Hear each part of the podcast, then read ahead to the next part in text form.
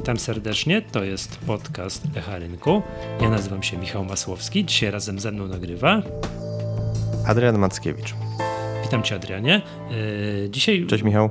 Tak, chciałbym, chcielibyśmy, chciałbym zacząć od krótkiego jakby tutaj nawiązania do poprzedniego odcinka, gdzie postawiliśmy śmiałą tezę odnośnie naszych prognoz do końca roku. Przypomnę, spokojne, tam stateczne, bez szaleństw, plus 10% y, na różnych indeksach do końca roku, bez żadnych hiperbolicznych wystrzałów, bez żadnych euforii. Tak, będziemy sobie w bok szli i tam powolutku się pieli, w okolicach plus 10% wylądujemy. Tak, proszę nas rozliczać z tej prognozy, ale podaliśmy też jakie ewentualne zagrożenia i tym jednym z tych zagrożeń była to jednak jakaś tutaj eksplozja inflacji, taka trochę więcej, i to sytuacja się zmieniła, bo, bo ponieważ znamy, no, są nowe dane, tak? Mamy inflację za lipiec podaną i tak jak poprzednio była ta inflacja, przy jak nagrywaliśmy, to widzieliśmy, że jest 4,4, to teraz już jest 5% w skali roku.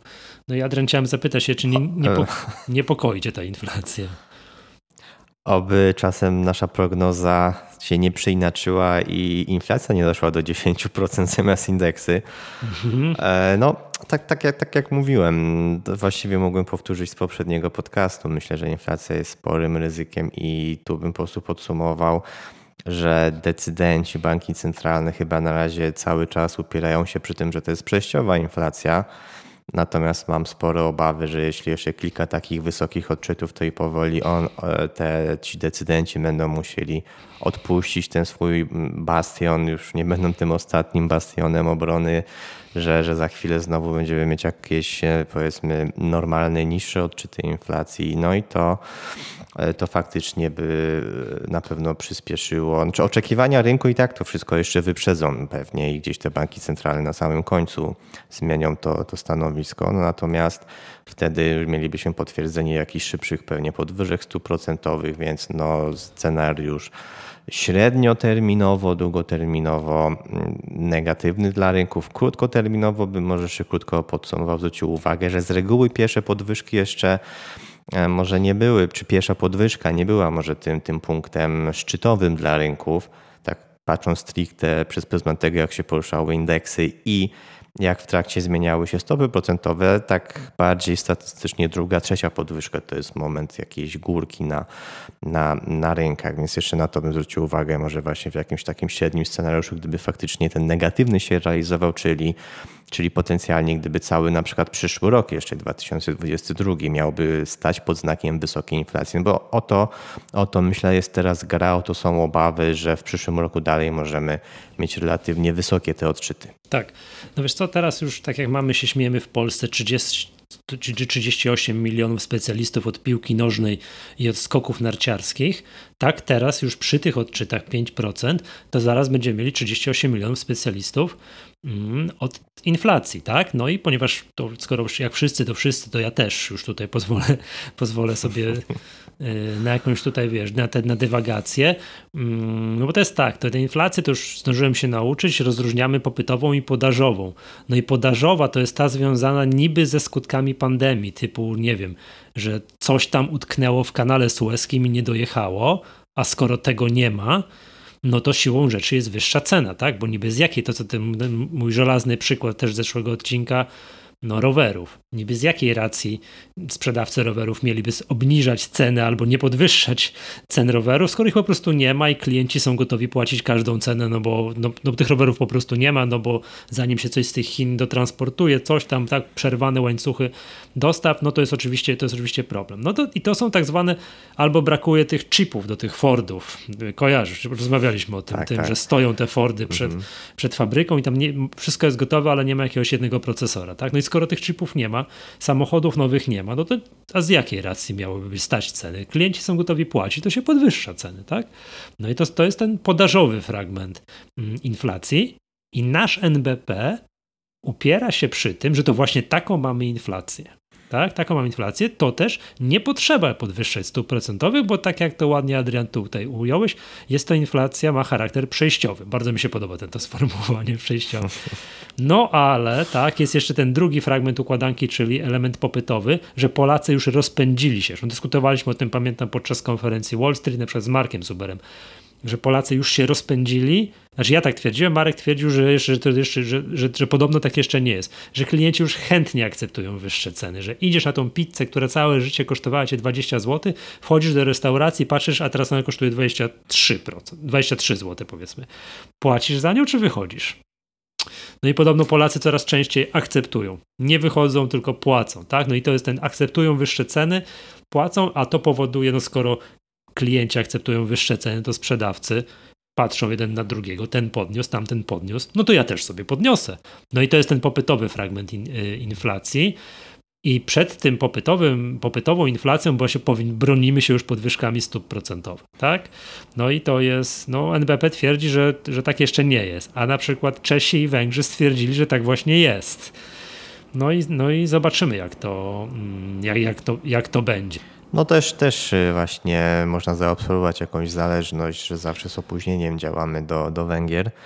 E, także skoro tam, tam podwyżki już były, no to wydaje się, że teoretycznie można by i u nas oczekiwać, natomiast no, retoryka jest taka, że, że to trudno, faktycznie trudno to przewidzieć. Tak. Także no, może, może w końcu na tych konferencjach powoli się ona zacznie zmieniać, ale póki co chyba, chyba to jeszcze nie ten moment. Tak, no bo to jest problem, bo to jest tak, walczymy z wysoką inflacją, powinniśmy podnieść stopy procentowe, ale boimy się, bo to nam zabije wzrost gospodarczy tak? A gdyby się zdarzyła jakaś druga fala pandemii i no nie wiem, i trzeba byłoby znowu dosypywać tych pieniędzy do gospodarki i obniżać stopy procentowe znowu, no to wtedy nam eksploduje inflacja. No i tak to się tutaj, tak się tutaj bawimy. No problem jest taki, że ekonomia to nie fizyka i nie da rady tego eksperymentu powtórzyć. Powiedzieć, o przepraszam, pomyliliśmy się, to nie, to my jednak teraz podwyższymy stopy. Albo nie, to był błąd, po fakcie stwierdzamy, trzeba było obniżać stopy. Tego się po fakcie, to ekonomia nie jest, yy, nie jest nauką eksperymentalną i po fakcie wszyscy drapią się w głowę, u, trzeba było tak zrobić. No ale czemu o tym mówimy? No bo gdyby przez przypadek ta inflacja nam tutaj faktycznie eksplodowała jeszcze bardziej i te stopy by poszły w górę, to w krótkim terminie to nie masz takiego znaczenia, ale w długim, znaczy w krótkim terminie na pewno byłby efekt psychologiczny, który by spowodował to, że wszyscy by powiedzieli tak, skoro walczy się z inflacją 100% do góry, czyli będzie recesja, no to, to ja troszkę wstrzymam swoje inwestycje. No nie wiem, bo są wyżej oprocentowane kredyty, bo wyższe stopy procentowe, no i to się odbije na, na, na, na rynkach kapitałowych i możemy tej naszej prognozy plus 10% nie dowieść, tak?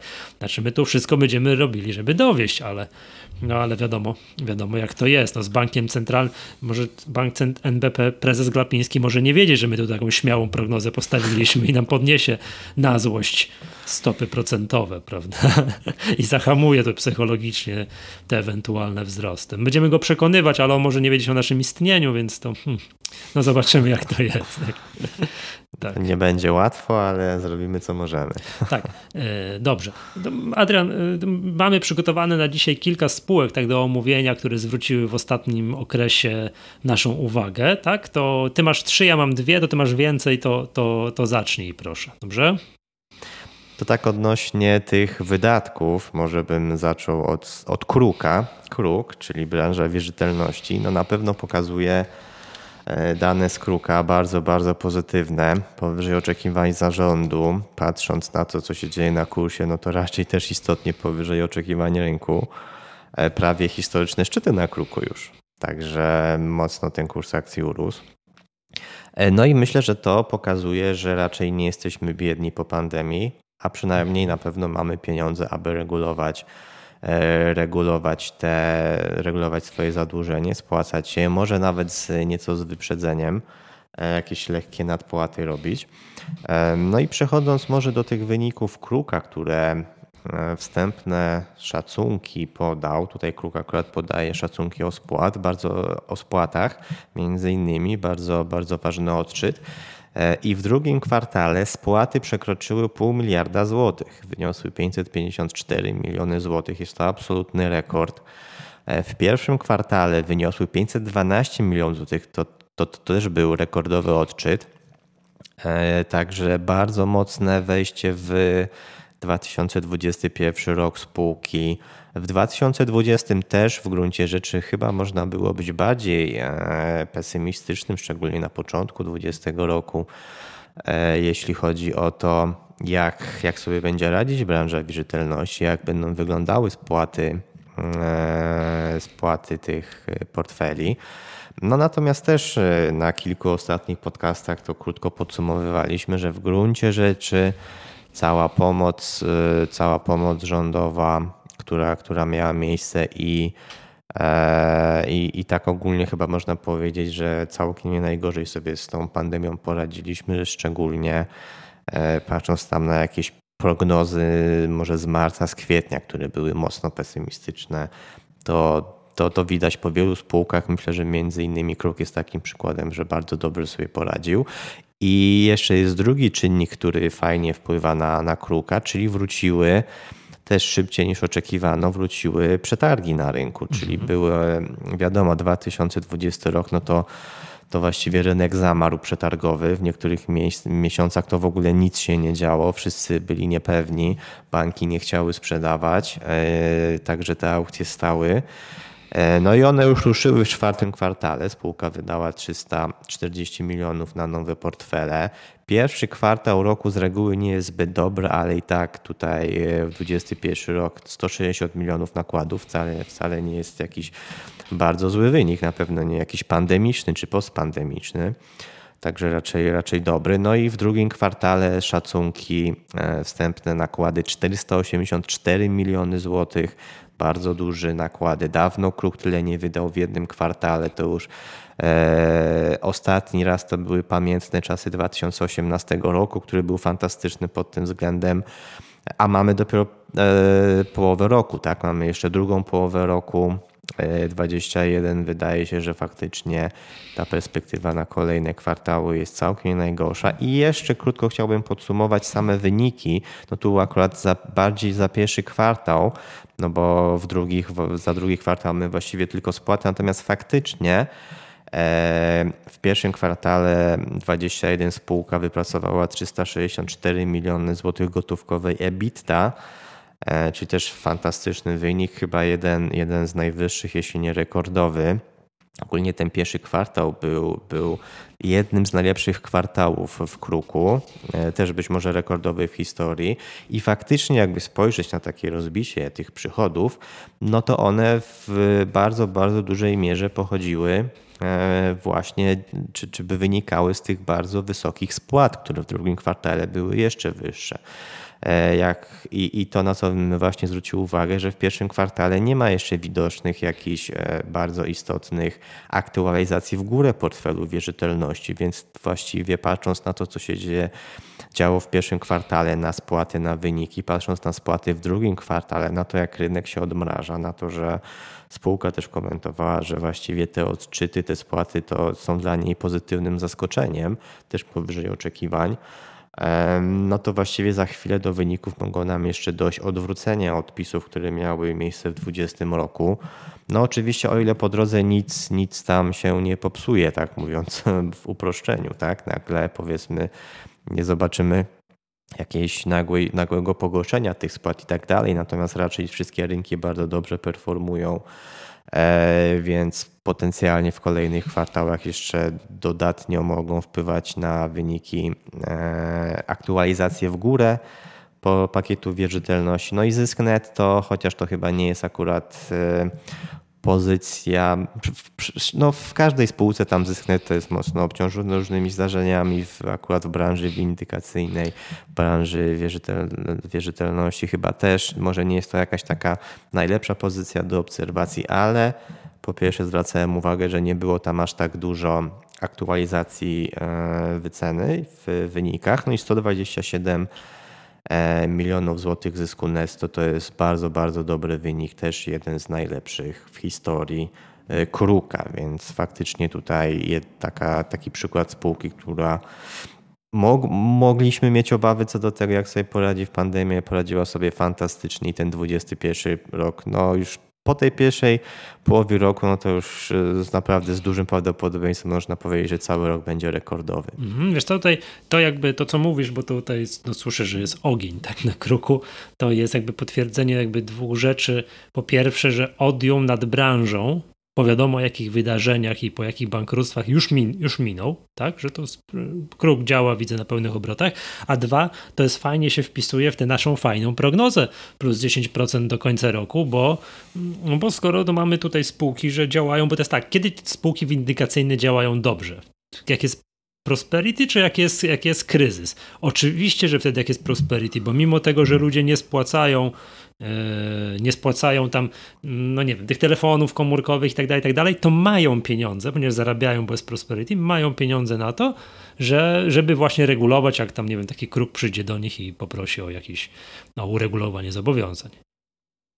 Tak, ja tu się chciałem wtrącić, bo jak zadałeś pytanie, kiedy spółki, kiedy jest dobry okres dla spółek, to tak trochę chciałem zażartować, że dla spółek windykacyjnych każdy okres jest dobry, bo jak jest prosperity, to ludzie spłacają, a jak jest dekoniunktura, słaba koniunktura, to z kolei mają okazję tanio kupić duże pakiety wierzytelności, żeby za kilka lat znowu ludzie im dużo spłacali. Więc Aha, no tak, je, jeden okres jest dobry, bo są spłaty, a drugi, bo mogą dużo zainwestować tylko, muszą się, muszą się tylko wstrzelić w ten cykl i prawidłowo rozpoznawać, kiedy, jest górka, kiedy są górki i dołki poszczególnych cykli. Tak, Oczy, oczywiście, że tak. Jak jest prosperity, ludzie mają fantazję, a kupię sobie ten telefon komórkowy. Ktoś tam czegoś nie spłaci. Nie no, mam pieniądze, jest praca, dostałem bonus, spłacam to, żeby mieć z głowy.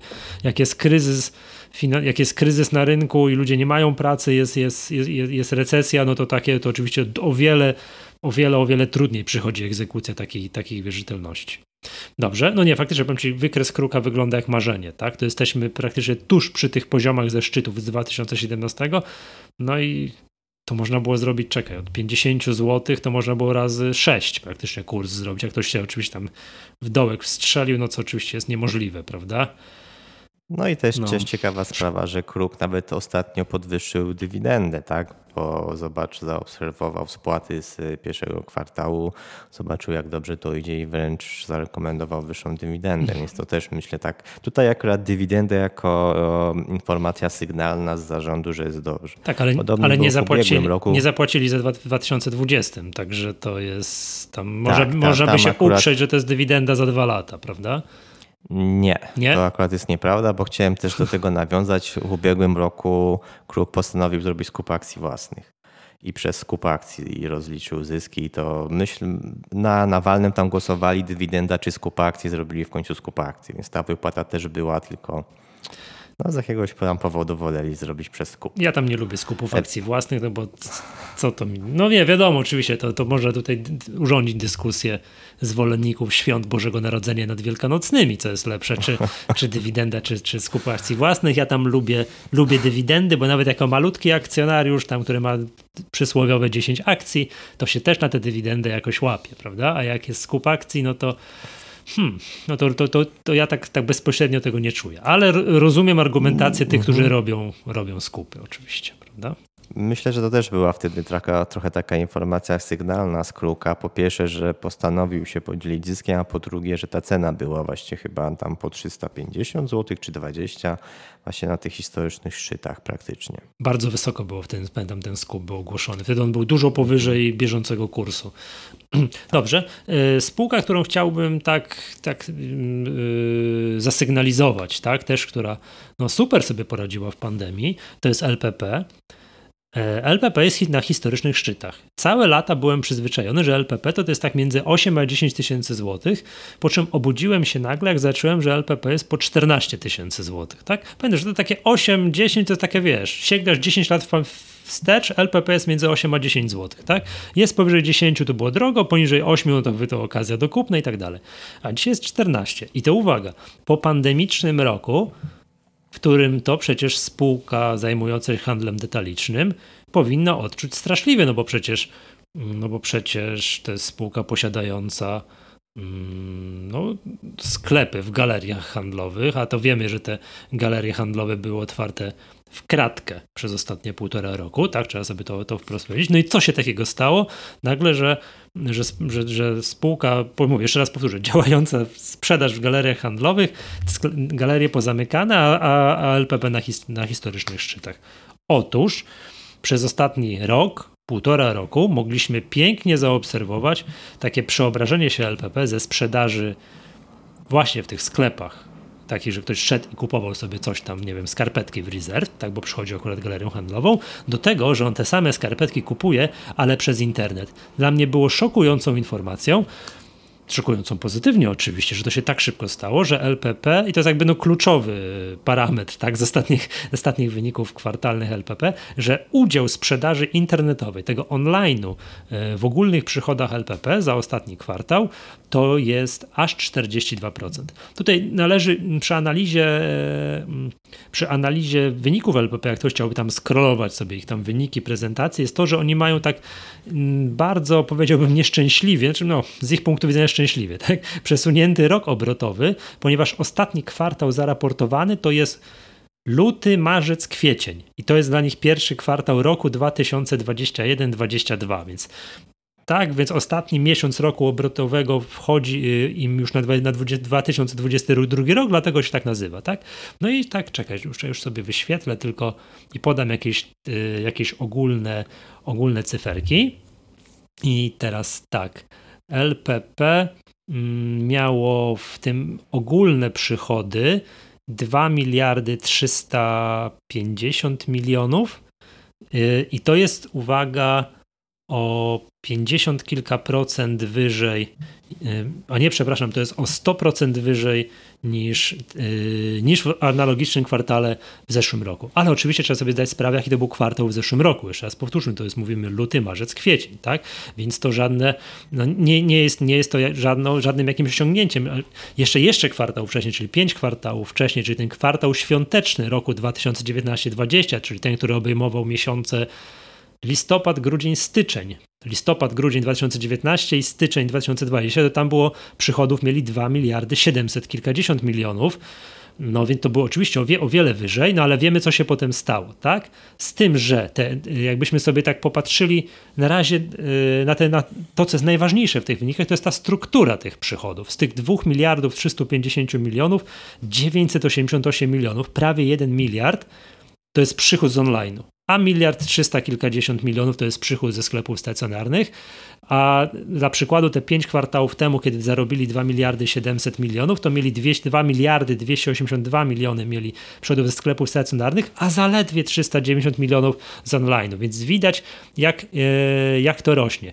Rok do roku, rok do roku wzrost na tej na sprzedaży internetowej to jest plus 157% tak? Czyli teraz mieli 988 milionów, a rok temu 384 miliony, więc tam, no, tam poprzednio mieli bardzo mało, teraz jest, teraz jest, to, jest to bardzo dużo i to procentowo bardzo dużo, bardzo dużo już znaczy w tym w całej strukturze grupy. Oczywiście porównywanie się do zeszłego roku no jest bardzo łatwe, prawda? Jest bardzo łatwe, no tutaj żadnych cudów nie ma, ale dla mnie to moim zdaniem mm, rynek tutaj wycenia nie to, ile oni mieli dokładnie teraz sprzedaży, bo zobacz, ma, mają sprzedaż niższą niż 5 kwartałów temu, tam o jakieś tam 300 kilka milionów, a wycenę zdecydowanie wyższą. Dlaczego? No bo moim zdaniem właśnie rynek dostrzegł ten udział, te, te, że to jest 42% udziału, to jest, to, to jest online, widzi w jakim tempie się to rozwija i to pięknie, jak sobie wyświetlimy taki długoterminowy wykres przychodów grupy, gdzie jest ładnym jednym kolorem zaznaczone przychód z offline'u, tak ze sprzedaży stacjonarnej, a w, innym kolorem jest przychód z online'u. Widać, jak on niesamowicie dynamiczny, dynamiczny rozwój, więc rynek wycenia przyszłość, nie, nie, nie chwilę obecną. I tak, ja tu zaryzykowałbym jedną tezę, że jeszcze rok, dwa, jakby przyszła kolejna fala, nie wiem, dziesiąta fala pandemii i wyłączą im yy, te sklepy stacjonarne, to nie będą dalej na, na powierzchni. Tak? No bo to jest tak, no rok temu przy tym wyłączeniu tego praktycznie tych sklepów i tym no, to dramatycznym załamaniu sprzedaży, oni mieli oczywiście tam stratę w, w okolicach, tam e, to mieli tam minus 362 miliony wtedy stracili, teraz zarobili 21 milionów, tak? E, no ale mówię, no, zyski niższe niż tam jeszcze 5 kwartałów temu, wycena o 40% wyższa. Także rynek tutaj, chciałbym tutaj podać przykład LPP jako spółki, która no, wykorzystała tę pandemię do tego, żeby przyspieszyć rozwój tego online. Postawili na to, wcisnęli na tej flance gaz do deski i dzisiaj są już, no są trochę zwycięzcami, tak? Możemy w kolejnym odcinku, bo też rzuciłem okiem porównywalnie na CCC. To nie jest 40% powyżej kursów sprzed pandemii, tylko raczej 40% poniżej kursów sprzed pandemii. No tam to wygląda zdecydowanie inaczej, ale oni mają ogromne zadłużenie. To jest, tu jest tutaj podstawowa różnica. No i działają też na trochę, znaczy trochę, na najniższych parametrach, jeżeli chodzi o te przychody. LPP ma jednak zdecydowanie wyższe te przychody. No i to jest ta podstawowa różnica, czemu LPP jest na 14 tysiącach, a nie na 80, jak byliśmy od lat przyzwyczajeni. Mm, a, a, CCC jest zdecydowanie, CCC jest niżej, choć tak sobie w ostatnich miesiącach całkiem przyzwoicie radzi. Więc dla mnie to jest taki pozytywny szok poznawczy, że oto spółka zajmująca się handlem detalicznym, sklepy pozamykane, a oni ogarnęli się, dali radę i są na historycznych szczytach. Tak, struktura, struktura przychodów, aż, aż miło się patrzy. No i zauważ, Michał, że tu powiedziałeś, że mają niższe przychody niż 5 kwartałów mhm. temu, przy czym to 5 kwartałów temu, ten okres listopad, styczeń, to jest absolutnie najlepszy okres w roku. A, dla tego typu branż, tak, dlatego, tak, roku, oczywiście, tak? to jest, to masz rację. Mhm. Tak, i, i teraz biorąc pod uwagę, jakie teraz mają wyniki, całkiem nie najgorsze. Ten teraz w, w kwietniu też jeszcze galerie były zamknięte i powoli zaczęliśmy mhm. się tam otwierać i tak całkiem fajne te wyniki wypracowali. E-commerce bardzo dobrze działa, no to pomyśl, co będzie w tym roku, w, w, okresie zimowym, najlepszym. Nawet takim zamkną galerię, to rok temu też były zamknięte. W tym chyba jak się zamkniemy, to wcale nie w aż takiej skali. No a gdzie jest e-commerce LPP czy, czy, gdzie będzie w tym roku, a gdzie był rok temu. Tak, masz, tak masz rację. Więc... No i to wycenia rynek, tak? To wycenia rynek, jesteśmy tak. na takich poziomach. Oczywiście trzeba wziąć jeszcze pod uwagę, bo skoro zaczęliśmy od makroekonomii i inflacji, że mamy pozytywny ten szok popytowy, że przedtem była, wiesz, ten rok temu, w tym pierwszym kwartale była ta, były, ludzie się powstrzymywali od zakupów, a teraz mamy ten odroczony popyt, tak? No wiesz, wypuścili nas z więzienia, bo wpuścili nas do galerii, tak? I wszyscy biegną jak oszaleli i wydają pieniądze pieniądze, które przedtem, przedtem zaoszczędzili. Pytanie, jak to długo potrwa. Tak, bo to też. Tak, mówiąc o, inf mhm. mówiąc o inflacji jeszcze w, tym, w tej kwestii, to jest do potwierdzenia, e, ale chyba jest też taka ciekawostka, że ogólnie w branży odzieżowej to od lat panuje deflacja, czyli tam ceny spadają. E, przy czym, e, no tu znowu moglibyśmy trochę pójść, jak jest liczona inflacja, no bo to. Muszę, moje, muszę mojej żony nie... zapytać, to będę wiedział. Czy... No właśnie chodzi o to, że inflacja to jest taki wskaźnik, który się liczy, że ten swetr, który rok temu, ile kosztuje dzisiaj, tak? Tylko, że dzisiaj tego swetra już może nie być, bo on może być z innych materiałów wyprodukowany albo w innej technologii i jakby tego się wtedy nie porównuje. Więc to mierzenie akurat inflacji pod kątem ubrań też nie jest aż tak proste, jakby się mogło wydawać, że idziemy do sklepu i sobie zapisujemy ceny, rok później idziemy i znowu zapisujemy ceny, bo, bo licząc statystyczną inflację, te produkty mogą być nieporównywalne.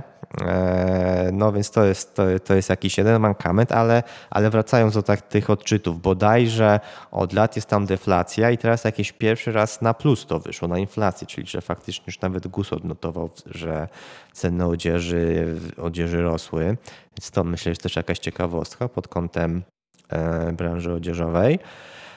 I chciałem jeszcze odnieść się do naszego live'a, który nagrywaliśmy rok temu, bodajże w kwietniu i też sobie mówiliśmy o branży odzieżowej. I tam akurat nawet o, kilku spółek, w tym o kilku spółkach z branży, w tym między innymi od LPP i pamiętam, że na koniec mnie zapytałeś, no to na którą spółkę patrzysz najlepiej, na którą najgorzej. No i powiedziałem, że najlepiej patrzę na LP, LPP, bo argumentując wtedy, że spółka jeszcze 2-3 lata temu miała pewne problemy i wtedy musiała no, z kolekcją tam były innymi problemy, trudna sytuacja na rynkach rosyjskich, więc musieli mocno się zrestrukturyzować, że tak nazwijmy. Myślę, że dzięki temu weszli i cały czas to powstrzymują. Uważam, że dzięki temu o wiele mocniej weszli w pandemię, już po pewnych restrukturyzacjach, oszczędnościach i tak dalej. E, no i myślę, to cały czas bardzo mocno pomogło. No i e-commerce, który rozwijali też pięknie tutaj rozpędzili E, I, I to na pewno się wszystko przełożyło. Skoro mnie pytałeś też, które były najgorsze, wtedy mówiłem między innymi, że najbardziej boję się o CCC. Ostatecznie CCC też bardzo ładnie sobie mhm. poradziło i te dynamiki, które pokazuje są E, są no, no, mocne, zdecydowanie mocne. Widzimy po kursie też bardzo mocne odbicie. Już tak, ale oni jednak o, o, o, tym. Zgadza się, ale oni jednak operują mhm. na piętro niższej y, parametrach niż LPP. To, to, to, tak wielkościowo, nominalnie te, te przychody są zdecydowanie niższe. Plus zadłużenie. Tak, no i, i mhm. tak, no tam znaczy to, co na pewno, na, na, co tam rok temu się też między innymi obawiałem, to w jakiej formie CCC wyjdzie z pandemii, czy będzie e-obuwie w grupie, czy nie będzie. No ostatecznie było, e, czy może inaczej, obyło się bez e, ratowania płynności przez sprzedaż części udziałów e-obuwie. Teraz co się dzieje z tym, to, to bardziej pozyskanie kapitału dla obuwie na jakiś, chociaż Chociaż, no, co, co ja mówię, spółka właściwie w większości przeznaczyła te środki pozyskane na spłatę długu, o którym też wspomniałeś. No ale faktycznie ta sytuacja się poprawiła, CCC, bankructwo już tam nie grozi. E, I, i, i faktycznie ten, ten rozwój, który jest kontynuowany, nowe marki, fajnie, fajnie się to rozwija. I, no i też CCC też na pewno się udało, ale, ale LPP, no LPP ze zdecydowanie mhm. niższymi problemami wchodzili tak. w pandemię. Tak. Tu chciałbym odesłać, Ale... Y, mhm. do, tutaj pozwoliłem sobie zrobić notatkę o tym LPP, co wynotowałem, to co mi najbardziej utkwiło, wiesz, tutaj jak zobaczyłem, utkwiło w głowie LPP na naszym forum. Tak? Tutaj gorąco zapraszam, mamy nowe, śliczne, pachnące forum dla członków Stowarzyszenia Inwestorów Indywidualnych i tam jakby ktoś chciał się o tym LPP odnieść, to my to podlinkujemy w opisie podcastu, ten konkretny wątek, e, wątek o LPP. Dobrze. Adry... Jasne i zapraszamy do dyskusji oczywiście. Mhm. Adrian, jaką miałeś kolejną spółkę tutaj pod lupą? Mhm. Tak, może, bo mamy jeszcze dwie spółki, jedna in plus, druga in minus. Jak, jak już jesteśmy przy tych e, plusach, to może przejdźmy przez plusy, a potem z tego co wiem, ty też masz taką jedną spółkę raczej na minus. O, więc, więc może. No, to zobaczymy. To tam, tam, tam będzie dłuższa dyskusja. Dobrze, zacznijmy no, od plusów dodatnich w takim razie. Tak, zacznijmy od plusów dodatnich, czy, czy może skończmy te plusy, a potem, potem przejdziemy dalej. E, krótko bowiem czyli spółka z branży stalowej, dystrybutor stali. E, bardzo dobry kwartał, natomiast drugi kwartał jeszcze, jeszcze lepszy. E, ogólnie w pierwszym półroczu jednostkowo, to też, też myślę warto zwrócić uwagę, że spółka Info daje szacunki na podstawie jednostkowych wyników, to ogólnie jest większość wyników, jakie, to odpowiada za zdecydowaną większość wyniku grupy wyniki jednostkowe, wyniki Bowim SA, no natomiast y, warto, warto tam mieć na uwadze, że w gruncie rzeczy spółki zależne jeszcze kilka milionów powinny dorzucić. No i w tym pierwszym e, kwartale zysk netto, e, przepraszam, w pierwszym kwartale, w pierwszym półroczu 2021 zysk netto no 104 e, miliony złotych po mocnych wzrostach kapitalizacja spółki 220 milionów złotych. No i tu na pewno pozytywne zaskoczenie, że drugi kwartał jeszcze lepszy, bo były takie oczekiwania, że te ceny stali wystrzeliły.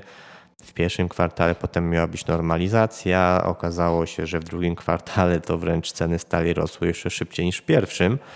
Więc e, no to pierwsze półrocze ewidentnie stało pod, pod znakiem wzrostu cen, cen stali.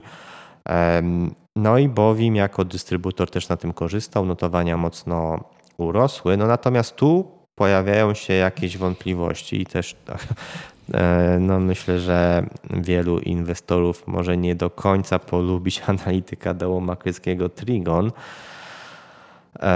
Łukasza Rudnika, który dla PAPO udzielił wywiad, że dystrybutorzy mogą mieć problemy z, z utrzymaniem tych marż, no bo faktycznie dystrybutor najpierw kupuje, a potem, potem odsprzedaje dalej i kiedy te ceny rosną, to on kupował e, kupował powiedzmy jeszcze relatywnie taniej, potem odsprzedawał drożej, tak? Miał pewne zapasy, tam efekt FIFO i tak dalej.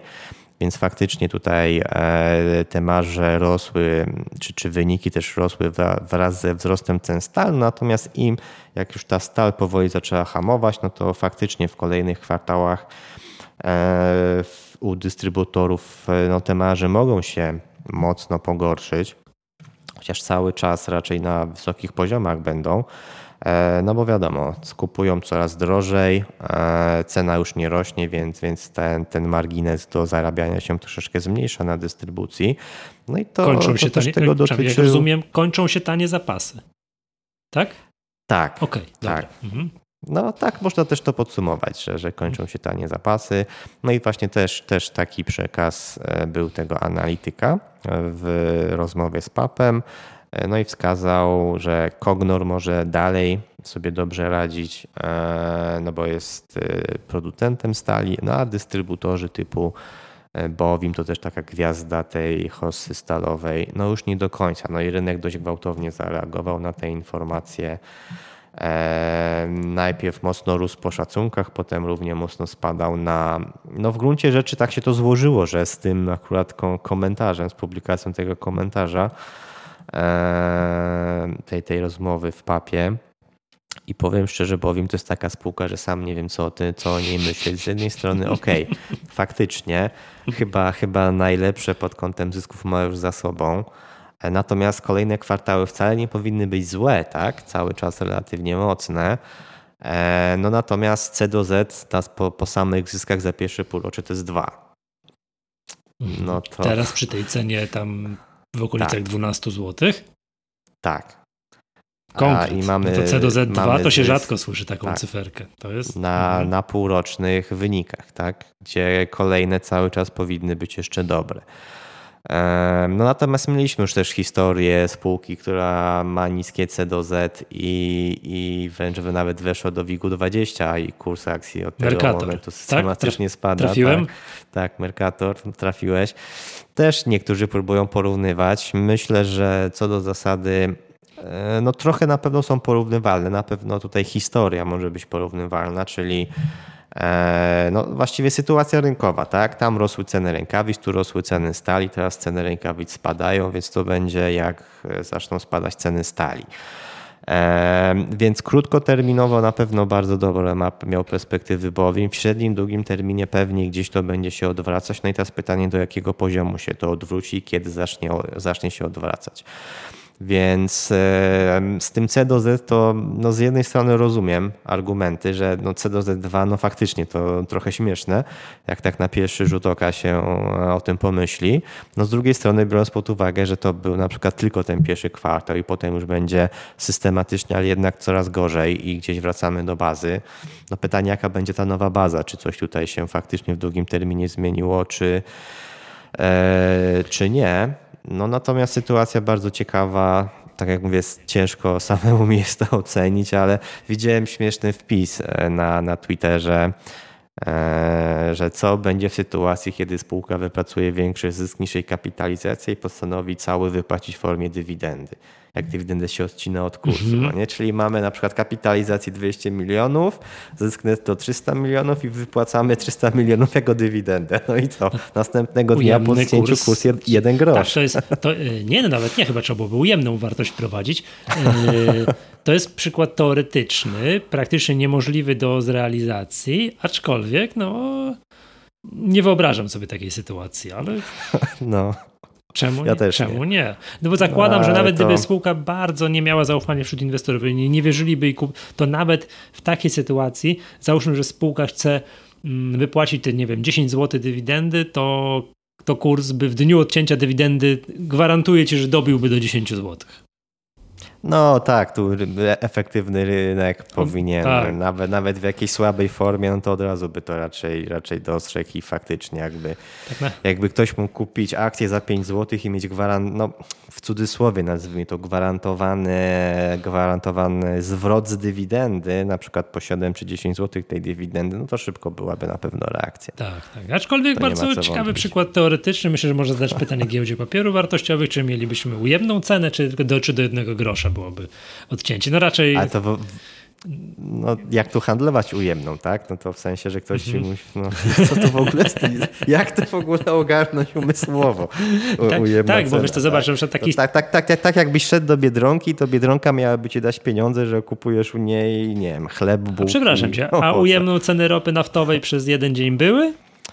Były. Nie były, to były, to były akurat kontrakty. kontrakty racja, to racja, trochę racja. też inna kwestia jest. E, natomiast no, no, znaczy, trudno powiedzieć, co z tą ceną. No, Chyba nie było tak naprawdę, ale na kontraktach mhm. była faktycznie. Bo zobacz, jak, jak, bo to jest tak, jak odejmujemy od ceny bieżącej te dywidendy. Oczywiście takich przykładów nigdy nie było, no ale powiedzmy, jak Stuk robi na przykład z cenami akcji, tymi historycznymi, on nie odejmuje tej ceny akcji, tylko tam odpowiedni dzielnik oblicza i dzieli wszystkie historyczne kursy akcji przez ten, przez ten dziennik, a robi tak dlatego, żeby nie było faktycznie sytuacji, że jak spółka w historii, nie wiem, wypłaciła już dywidend więcej niż aktualnie jest warta, żeby tam ceny akcji nam nie zjeżdżały poniżej, poniżej, poniżej zera, czy dzieli się po prostu te, te, te, historyczne, mm, te historyczne ceny przez odpowiednie dzielniki. Mhm. I takie sytuacje to bardzo często miały. Natomiast taka sytuacja, żeby w jednym roku się natychmiast wszystko się zredukowało, no to, to, to, to, tego, to tego, jeszcze, tego jeszcze nie grali. Tak? Ja, ja już teraz kojarzę, ten Bowim jest taką gwiazdą mediów społecznościowych ostatnich tygodni, miesięcy, no bo z racji tego widzę wykres, tak, wzrosty z 2 zł do 14 prawie złotych, no to się wcale nie dziwię pamiętam czasy, jak tak głośno było. No, rok temu tak samo głośno było o Biomedzie Lublin, tudzież właśnie o Mercatorze, który właśnie naj, no, wszystko co najlepsze to miał przed wejściem do WIG-20, a odkąd wszedł do WIG-20, no to ile tam, z 600 do 200 zł, no tam z 700 nawet do 200 zł. Myślę, że tutaj moglibyśmy skierować, pozdrowi pozdrowić w tym momencie prezesa Masterfarmu, tak, że który który zdaje się in Master Farm, to nie wiem, czy drodzy słuchacze znacie patent, jak prezes Master Farmu spekulował sobie akcjami różnymi i jak trochę poczuł mocy, to kupił akcje CD Projektu i, i, i, Master, i Mercatora właśnie. Mercatora, no i jest dzisiaj na nim na głębokim, głębokim minusie, tak? Ale to temat, temat wiem, na osobną dyskusję. Nie wiem, czy określenie, że chcemy go pozdrowić jest tutaj najlepszym określeniem, ale okej. Okay. Nie, to bardziej tak. Nie, to bardziej takie pozdrawianie typu trzymaj się chłopie, trzymaj się. Tak, to bardziej, bardziej. No, a tak swoją drogą Master Farm, tak jak, jak przez moment patrzyłem na kurs, to nawet, nawet stoi w miejscu, tylko tam znowu nie ma też za bardzo płynności. To w gruncie rzeczy dziwne, że kurs akcji stoi w miejscu. Znaczy, no była pewna przecena, bo momentami tam po 4,50 dochodził, teraz powiedzmy jest po 3,50, ale powiedzmy, że na przestrzeni kilku ostatnich miesięcy, no nie są to jakieś istotne dołki, więc jak dla mnie dość ciekawa tutaj reakcja notowań, tym mm, zachowania kursu. Tam, gdzie no, można było oczekiwać, że będzie gorzej chyba. Tam jest y, dosyć mały free float z tego co, co pamiętam i chyba faktycznie, no, tak jak zwróciłeś uwagę, bardzo historycznie niska zmienność. Tam jest zmienności po 10 tysięcy y, złotych dziennie, no co jak na rynek kapitałowy, no nie jest jakąś tą oszałamiającą wartością. Dobrze. Yy, chciałbym tutaj przejść z plusów dodatnich do plusów ujemnych, tak jak tutaj sobie pożartowaliśmy, i wywołać na, tak omówić troszeczkę lukę na wykresie XTB. Tutaj mm, z końcem lipca to była taka piękna luka spadkowa, tam z około 16 zł z kawałkiem kurs do, spadł do około 13 zł, tak w sposób nieciągły, tak po prostu cyk, jednego, jed, jednego dnia jest taka piękna luka spadkowa, no to zainteresowałem się, co tam się takiego stało. No i otóż przyczyną tego jest to, że XTB opublikowało wyniki finansowe, wstępne, szacunkowe wyniki finansowe za pierwsze półrocze. I to w ogóle tak, muszę powiedzieć, że tu yy, zacznę od tego, że chciałbym pochwalić XTB, bo na, że wyniki finansowe niektórzy produkują jedną kartkę A4, coś tam w Wordzie napiszą, a nie wiem, czy widziałeś te wyniki XTB. Piękne, graficznie opracowane, dopieszczone. A przypomnijmy, to jest dopiero szacunek wyników, a nie docelowe wyniki. No i oczywiście, co tutaj dużo mówić, wyniki są katastrofalne, tak? Hmm, przychody XTB rok temu za ten, mm, za, yy, za kwartał, za drugi kwartał wynosiły 211 milionów złotych, a teraz tylko 55 milionów złotych.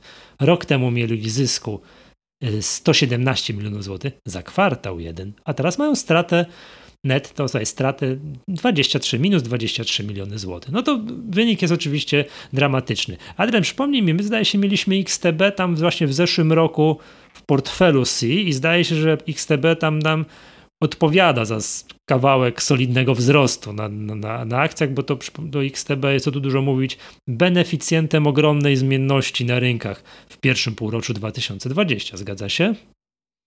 E, zgadza się, potem też jeszcze chwilę potradowaliśmy przed wynikami za pierwszy kwartał chyba, także kilka razy to XTB się faktycznie się pojawiło. Mhm, dokładnie. No i jak zacząłem taką straszną lukę, zobaczyłem te wyniki, no zainteresowałem się, cóżeż takiego się stało. No i okazuje się, no stało się dokładnie to, czego się spodziewałem. No można powiedzieć tak, i klienci ograli XTB. XTB, przypomnijmy, jest brokerem, który działa w modelu market maker, czyli w dużym uproszczeniu gra, inwestorzy grają nie z rynkiem, no, oczywiście na instrumentach typu CFD, tak, bo na rynku kasowym no to jednak to jest, to jest zupełnie co innego, na rynkach CFD grają z brokerem. No i tutaj, tutaj yy, XTB w swojej takiej podsumowaniu, taką piękną tabelkę wyświetlił, że w tym okresie, właśnie w ostatnim kwartale zarobił na, podzielił na poszczególne segmenty. CFD na towary plus 52 miliony złotych. CFD na indeksy plus 26 milionów złotych, CFD na waluty, uwaga, minus 24 miliony, w szczególności CFD na kryptowaluty minus 30 milionów. Wychodzi na to, że klienci, klienci handlujący tymi instrumentami opartymi na kryptowalutach mm, w XTB ograli brokera na około 30, 30 y, milionów złotych. No i odpowiedź tutaj jakby tu kilka razy podkreślona w tych, tych wstępnych, y, wstępnych mm, wstępnych wynikach finansowych jest taka, no, pozwolę sobie zacytować. Z punktu widzenia warunków panujących na rynkach finansowych w pierwszym półroczu, warto przede wszystkim zwrócić uwagę na, że był to okres, w którym od maja kontynuowany był trend wzrostowy na rynku kryptowalut. I teraz uwaga. Rynek charakteryzuje się tym, że klienci inwestujący w CFD na kryptowaluty są skłonni zdecydowanie dłużej przetrzymywać swoje otwarte pozycje i nie domykać zysków w krótkim czasie, jak ma to miejsce w przypadku innych instrumentów CFD.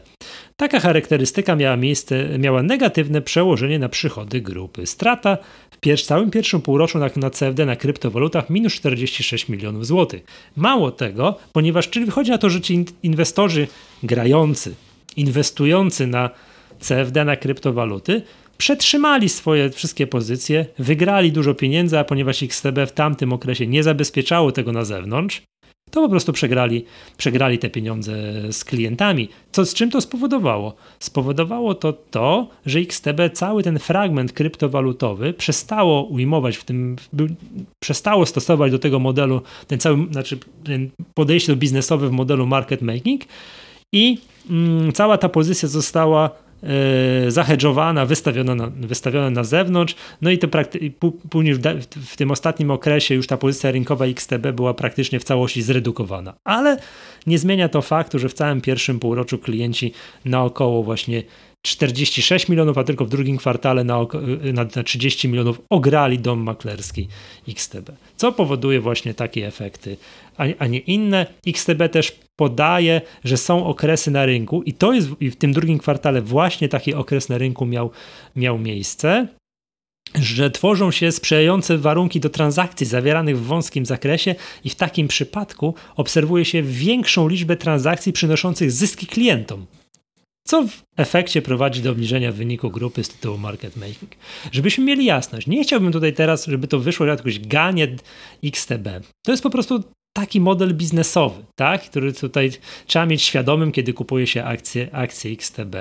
Mm, te, tego typu, lub też ogólnie brokerów zarabiających, y, działających w modelu, modelu market making. Tak oni też tutaj podali, że twierdzą, że ten drugi kwartał był absolutnie wyjątkowy w historii grupy, że tylko raz w drugim kwartale 2016 roku mieli niższą, to mają taki fajny parametr w przypadku spółek z branży się obserwuje, rentowność na lota ile zarobili na jednym locie. Tak, lot odpowiednich kontraktów terminowych na rynku, na, na, na rynku CFD i zarobili tylko 59 zł na jednym locie, przepraszam, 63 zł na jednym locie, a ostatni raz tak mało zarobili w drugim kwartale 2016 roku, to 59. Normalnie są to cyferki 100 kilkadziesiąt, 200 kilkadziesiąt, a nawet 300 kilkadziesiąt, tak, złotych mm, na, na jednym locie. No i efekt jest taki, że spowodowało to, taką wyrwę na wykresie XTB i no i tak to tutaj, tak w ten sposób, może to widziałem tytuły, wiesz, chyba, chyba Puls Biznesu napisał taki artykuł, że klienci ograli XTB na kryptowalutach. No trochę tak, to, kryptowaluty to jest taki no, bardzo nietypowy rynek, tu już chyba trochę inaczej klienci, no w cudzysłowie, grają niż na tradycyjnie na akcjach, walutach tradycyjnych, indeksach, towarach, chyba trochę inaczej, tak? Mm, trochę inaczej podchodzą do swoich inwestycji i trzymają to o wiele dłużej, podchodzą tak, no nie chciałbym powiedzieć, że fundamentalne, ale trochę bardziej długoterminowo. Efekt jest taki, że, mm, że, że, że mówiąc wprost, klienci mieli jaja, wytrzymali, dużo wygrali i XTB tą metodą, tą metodą stracił, stracił pieniądze.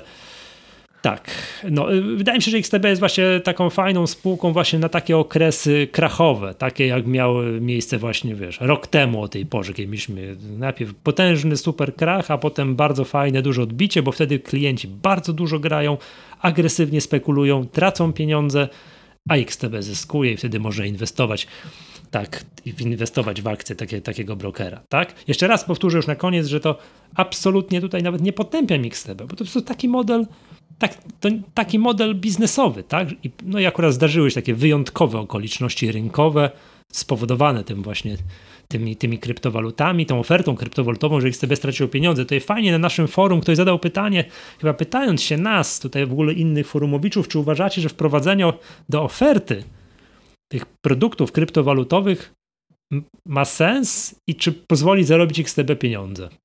Było takie pytanie. Po czasie się okazało, że ma sens, ale niekoniecznie dla XTB, tak? Że to, że to klienci zyskali, dom maklerski stracił, a teraz oni to wszystko już pohedżowali i no i, no i taki mają w sumie, to chodzi o to, że ta ich oferta będzie miała i na ich wyniki w przyszłości neutralny wynik. E, tutaj powiedziałeś i zacytowałeś ten e, artykuł Pulsu Biznesu, czy jego tytuł, że mhm. klienci mhm. ograli XTB. Ja bym tu nawet sparafrazował, że Elon Musk ograł XTB, bo mhm. tam swoimi tweetami niezłą hossę też wywoływał na, na kryptowalutach. Tak jest. To the moon. No i właśnie... coin to the moon. Tak. Oczywiście uwielbiam. Przepraszam, Adrian, zamówiłem o, o, o. sobie koszulkę WIG20 to the moon. O, tak, super. Także... No to w końcu będzie. No to 10, jestem spokojny o te 10%. Posłuchaj, jak, jak tylko będę miał tę koszulkę jakiegoś live'a, nagrywamy takiego, żeby wideo było widać i wiesz, koniecznie.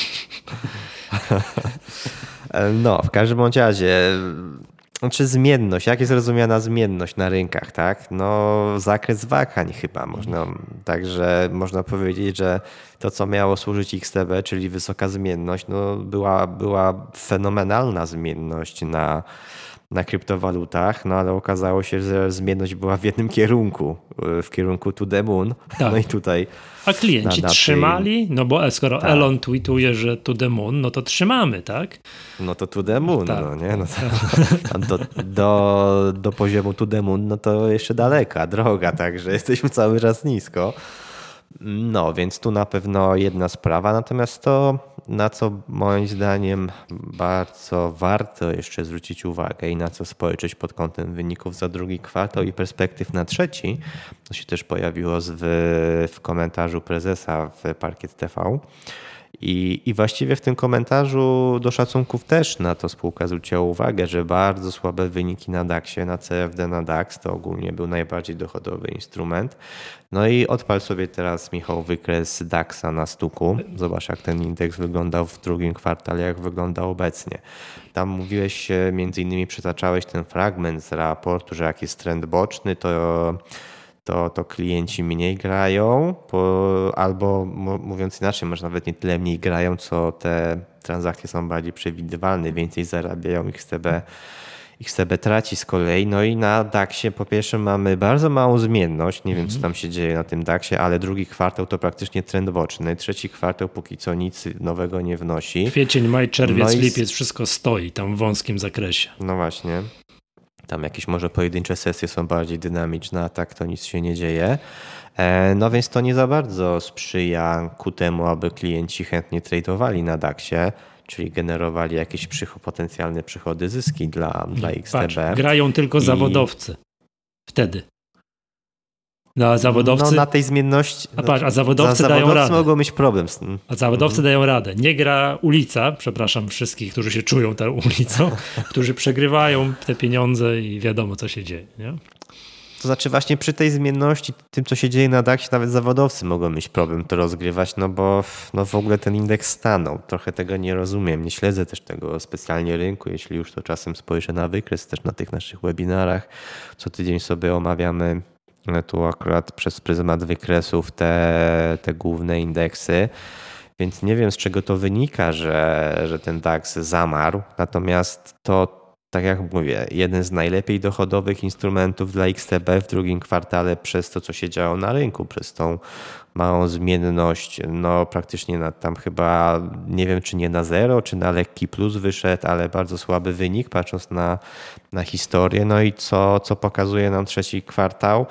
No, jeśli tak będzie do września, no to bez szału, tak? To bez szału. Okej, okay, nie będzie straty z kryptowalut, ale no zysków, no tutaj może nie być pozytywnego zaskoczenia, jeśli DAX się nie rozkręci, a miesiąc już minął, czyli jedna trzecia kwartału praktycznie bez wyniku pewnie na tych CFD, CFD na DAXie, no bo no bo no to tutaj ty już sobie odpaliłeś, Państwo jak nas słuchają, też proszę sobie rzucić okiem na tego DAX-a. No ogólnie słabo pod kątem XTB się zapowiada na ten moment ten trzeci kwartał. Okej, okay, dobrze. I jeszcze zdaje się, że jedną spółkę masz e, z kategorii plusy ujemne. Dokładnie, ale to, to nawet tutaj to dwa minusy nie, nie dają plusa. E, to jest tego typu. W XTB bym jeszcze gdzieś te dwa minusy znalazł, tak, żeby gdzieś to na plus przekręcić, ale tutaj Geotrans, no niestety, ale no wyłożył się i to tak mocno się wyłożył. E, tam niestety jest cała historia jeszcze z emisją. E, z emisją akcji, która miała być rok temu mm, w celu realizacji nowej strategii, która była tak wycyrklowana, że akurat trafiła w szczyt wynikowy Spółka właściwie naprawdę fajnie się rozwijała, te wyniki fajnie rosły. Działa w moim zdaniem bardzo perspektywicznej branży, czyli gospodarki odpadami.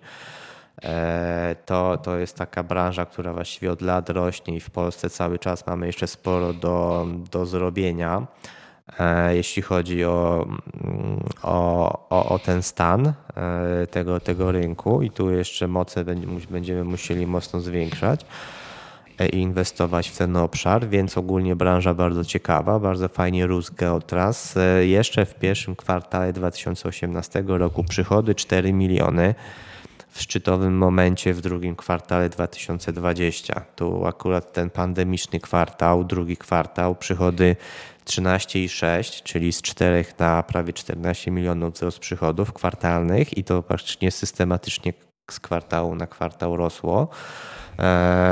Do kwartalnego zysku netto spółka przekroczyła 5 milionów, gdzie, gdzie jeszcze wcześniej to było pół miliona, tak? Czyli z pół miliona na 5 milionów w no powiedzmy dwa lata, więc, więc mocne były te wzrosty. No i gdzieś tam właśnie w drugiej połowie ubiegłego roku nowa strategia emisja w celu pozyskania kapitału na E, na, na, na, na rozwój, na kontynuację rozwoju, na inwestycje. No i nagle wyniki mocno w dół. I z tych, z tych przytaczanych przychodów prawie 14 milionów zrobiło się 5,5 miliona w drugim kwartale 21 na, na podstawie szacunkowych wyników. No to przypominam, na początku mówiłem, że pierwszy kwartał 18 to było 4, Y, no i teraz 4 e, miliony kwartalnych przychodów, teraz znowu wracamy do 5,5 kwartalnych przychodów, 5,5 miliona, czyli no spora, spora różnica już negatywna, tak? Czyli tu, tu widać już chociaż przy takim porównaniu, że te przychody mocno spadły, a jeszcze niedawno było 14 milionów kwartalnych przychodów, więc, więc mocny spadek. No i z tych zysków 5,5 miliona, no to ledwo co spółka wyszła na plus, tak? 319 tysięcy złotych zysku netto. E, w tym drugim, w drugim kwartale, mhm. no to właściwie wyszła na zero, tak? No i, i teraz pytanie, co się stało? Była fenomenalna rentowność, też na poziomie procentowych marsz, no a teraz właściwie tej rentowności no mocno, mocno się pogorszyła, no i na wykresie, jakby, jakby sobie to zobrazować, te wyniki właśnie na słupkach, no to, no to tych słupków już nie widać za ostatnie kwartały, tak?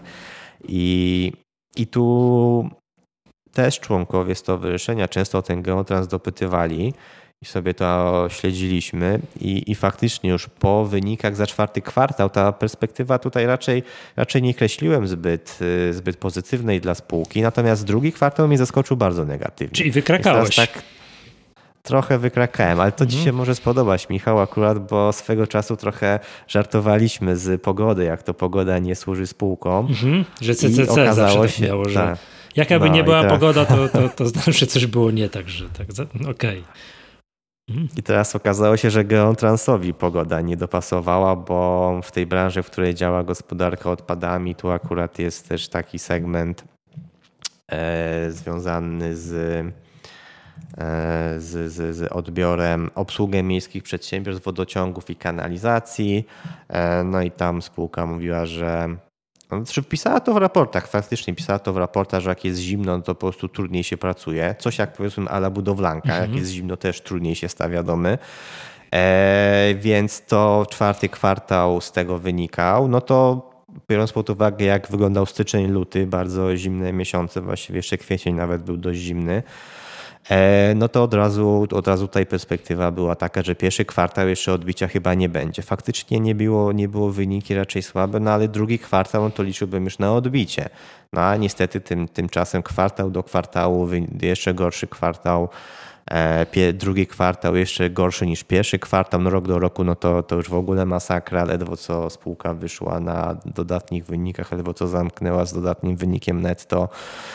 No i co, czekamy chyba na trzeci kwartał, e, że może tam no, w trzecim kwartale już pogoda jest dobra, więc może w końcu będzie jakieś odbicie. No już, już gorzej być nie może, tak? Jeśli, jeśli oczywiście nie zakładamy, że spółka nagle znowu stanie się nierentowna. Przepraszam, i, czemu ty śledzisz tę spółkę? Bo, bo co? Bo to już powiedziałeś, że nasi członkowie na, na webinarach się pytają, tak? Mhm. No i branża mi się bardzo podoba, ogólnie gospodarki odpadami. Tak? Jest dla tak. To ja tylko mhm. kojarzę, że śmieci drożeją. Odbiór śmieci cały czas drożeje. To jest... No, no ale no, to jest wszystko ze sobą powiązane, no nie? Mhm. Geotrans, Drożeje w ogóle wszystko. New Connect, tak patrzę, mm, kojarzy tylko mi się film teraz nadrabiam na Netflixie, oglądam Geostorm. To tam też jest o pogodzie. Tamte... No widzisz? Wszystko, wszystko, wszystko na, się na łączy. koniec wszystko prowadzi do pogody. Faktycznie, tak patrzę, tutaj ten Geotrans był gwiazdą do połowy 2020 roku, a mhm. potem rozumiem, że sporo, spółka nazbierała sporo inwestorów długoterminowych, że dopytują o, o dopytują o tę spółkę. No dywidendę nawet widzę dwa razy zapłaciła. Hmm. Tak. Tak, i też, też właśnie e, taka, taki mankament tam był, że spółka raportami bieżącymi rap e, podaje informacje o nowych kontraktach. E, no i faktycznie ostatnie kwartały, no to to słabe są pod tym kątem. Znaczy pojawiają się te nowe umowy, ale na jakieś małe kwoty relatywnie w skali chociażby tych wyników z 2020 roku, tam na powiedzmy kilkaset tysięcy złotych spółka informuje. Czy to, to, jest, to, jest, to jest relatywnie mały kontrakt i, i przy tej skali wyników dobrze byłoby coś większego zobaczyć.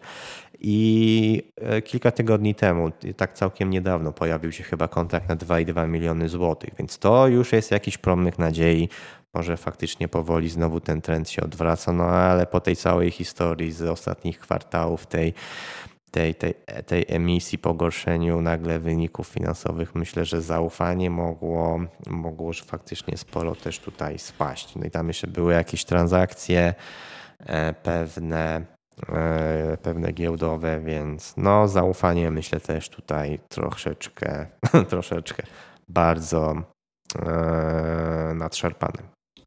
A to tak kończąc dzisiaj te przykłady na okay. takich dwóch minusach, które na razie jeszcze nie sumują się w plus. Rozumiem, że próbowałeś na samym końcu podać tę szklankę zimnej wody do piekła inwestorów długoterminowych na geotransie, tak? Ale, ale tak bez wielkiego entuzjazmu.